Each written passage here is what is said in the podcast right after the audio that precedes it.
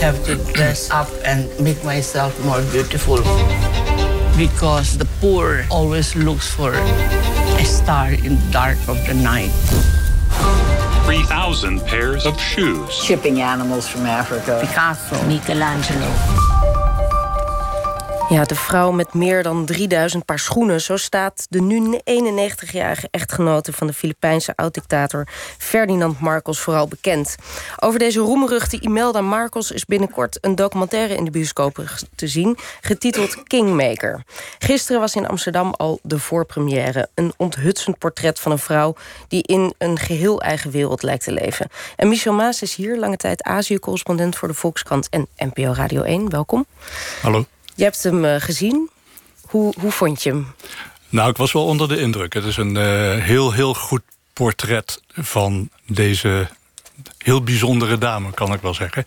En vooral een beangstigend portret, want het laat zien dat zij nog lang niet klaar is. Dat zij nog altijd aan de touwtjes trekt, dat zij nog altijd macht heeft in de Filipijnen... en dat ze er nog altijd op uit is om haar familie terug te brengen aan de top in de Filipijnen. En ja, eigenlijk is er nog één ding wat ze, wat ze nog liever zou willen? Ze zei, ik ben niet alleen de moeder van de Filipijnen... zo beschouwt ze zichzelf, maar ik zou zelfs de moeder van de hele wereld willen zijn. Zo, dus niet, zo ver gaat dat. is niet te klein, hè? En je hebt, de, je hebt zelf deze moeder van de hele wereld... die ze zou willen zijn, mogen ontmoeten. Je hebt haar geïnterviewd en ik geloof dat dat... was dat een indrukwekkend iets?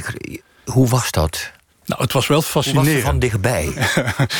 nou ja, net als in de film... Uh, het, het, was allemaal heel goed doordacht. Ik bedoel, uh, je, je brak niet door haar verhaal heen. Ze had haar eigen versie van de geschiedenis... waarin zij de hoofdrol speelt. Zij heeft uh, de Koude Oorlog persoonlijk beëindigd. alles, alles draait in haar verhaal om haar. we hielden dat interview in een hotel dat haar eigendom was... We waren daarvoor al met haar naar de glazen kist geweest... waarin ze Ferdinand, haar man, bewaarde om hem een uh, heldenbegrafenis te geven. Hij werd, er was een mausoleum naast haar huis gebouwd... waar ze hem uh, goed hield voor die begrafenis. Uh, ja, het zijn hele bizarre feiten. En je komt daar, er waren drie, drie interviews op die dag... waarvan wij daar eentje waren. En voor elk van die drie interviews ging ze zich helemaal omkleden... en een nieuwe make-up opdoen. Want je kan niet in twee interviews in dezelfde jurk te zien zijn. Je, je zei net, iets over haar. Dat ze de pretentie heeft dat ze de Koude Oorlog in haar eentje beëindigd had en heeft. Kun je, kun je het even heel kort toelichten? Want anders begrijpen we dat niet. Nou ja, zij was een vrouw die, zij, het was het hoogtepunt van de Koude Oorlog. Toen was zij de first lady van de Filipijnen. En met haar man ging ze overal naartoe. Ze ontmoette mensen als Gaddafi, Saddam Hussein, Mao Zedong, uh, Nixon. Uh, George Bush. Heeft met de hele wereldtop heeft ze aan tafel gezeten. Gedanst, gezongen. Dus ze is wel met haar neus bovenop die geschiedenis soort intermediair die maakt dat iedereen elkaar wat beter begreep of zo. Wat is dan ze voelde zichzelf, eh, ze voelde dat ze daar een rol in had. En ze sprak met Mao Zedong en ze zei... Mao, wat is eigenlijk je probleem? En toen zei hij iets over die Koude Oorlog. En dat heeft ze er toen in vijf minuten uitgepraat. En het was afgelopen. Kijk. Kun je nog even kort schetsen uh, de geschiedenis van het echtpaar Marcos voor ons? Wat, ja, hoe, hoe zit dat? Ja, het begon als een soort sprookje. Het was in 19... Uh, uh, 54. Uh, Ferdinand Marcos die was een uh, coming man in de politiek in de Filipijnen. En Imelda die was Miss Manila. Ze was bloedmooi en heel erg jong. En ze ontmoette Marcos. Marcos ontmoette haar, hoe moet je het zeggen. En binnen elf dagen waren ze getrouwd. En vanaf dat moment heeft ze aan zijn zijde gestaan. En toen hij in 1965 president werd...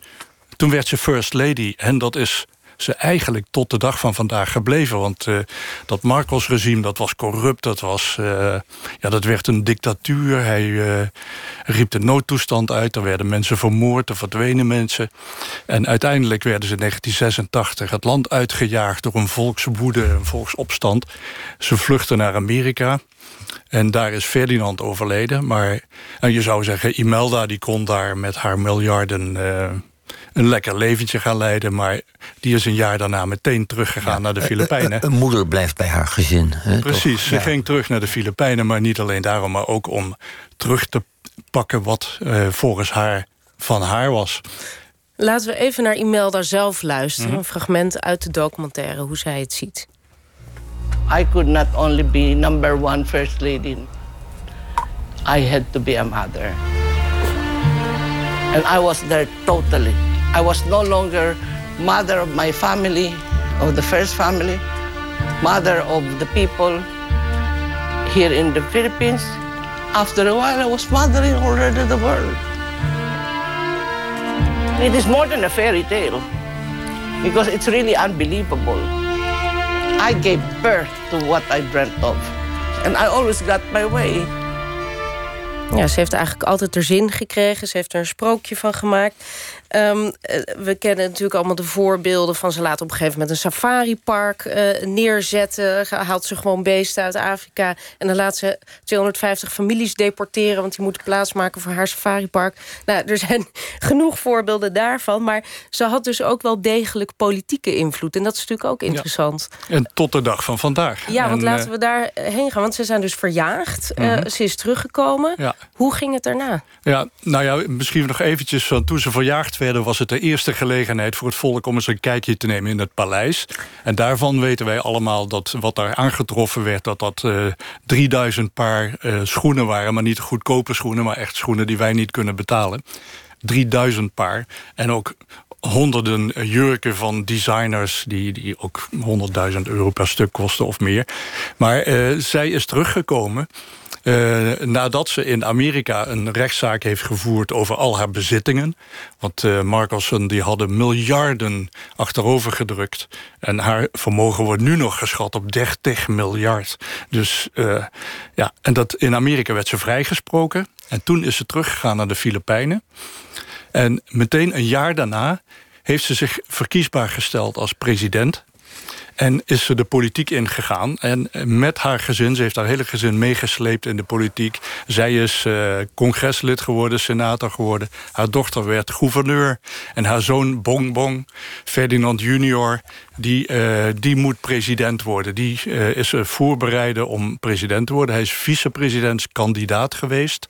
Heeft dat net niet gehaald, maar hij zit nu op een stoel te wachten om gepromoveerd te worden. Maar hoe is dat mogelijk? Die familie is verguisd. Ze hebben kunnen kijken in dat paleis inderdaad... van wat een wanstaltige gewelddaad daar te vinden was. Hoe, hoe kan dat, dat die familie weer uh, aan populariteit uh, groeit? Ja, dat, dat is eigen aan de Filipijnen. Dat land wordt geregeerd door een, uh, een paar honderd families. Dat zijn oude politieke clans, die verdelen de baantjes. Die clans die zijn de baas in hun regio.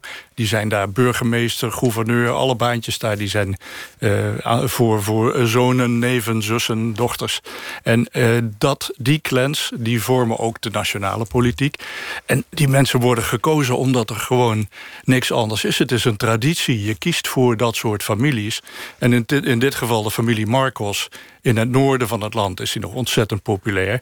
En uh, die krijgen dus de stemmen en de zetels. Ja, als de film gaat op of de film, de documentaire is vanaf 19 maart in het hele land te zien. Wie gaat kijken? Wat is jouw tip? Je kijkt, waar moet je vooral op letten? Nou, vooral op het hele gevoel. Wat, wat ik mooi vind, dat is inderdaad wat jij noemde, dat safaripark. Die, uh, dat is de, de grilligheid van Imelda, die gewoon honderden miljoenen uitgeeft even om, om iets te doen. Dus die laat giraffen en, en zebra's en zo overlaat, overhalen naar een eiland bij de Filipijnen. En dat wordt als een rode draad door de film gebruikt. Je ziet die beesten de hele tijd terug. En je ziet ook het verval van dat park nadat de Marcossen verdwenen zijn. En dat verval dat heeft ertoe geleid dat die dieren aan, aan inteelt hebben gedaan. En die inteelt die zie je dan aan het einde terugkomen als een inteelt in de politiek in, uh, in de Filipijnen. En uh, ja, politieke inteelt die ertoe leidt dat... De mensen die aan de macht zijn ook altijd aan de macht zullen blijven. Maar dat ze er niet beter op worden. En verwacht je dat, dat Ferdinand Marcos junior Bongbong ook echt de nieuwe president gaat worden? Nou, er wordt alles aan gedaan om dat voor elkaar te krijgen. De Duterte heeft beloofd dat hij dat gaat regelen. En dat gaat De huidige gebeuren. president. Goed. Hartelijk dank voor je toelichting, Michel Maas. De film is vanaf 19 maart in het hele land te zien.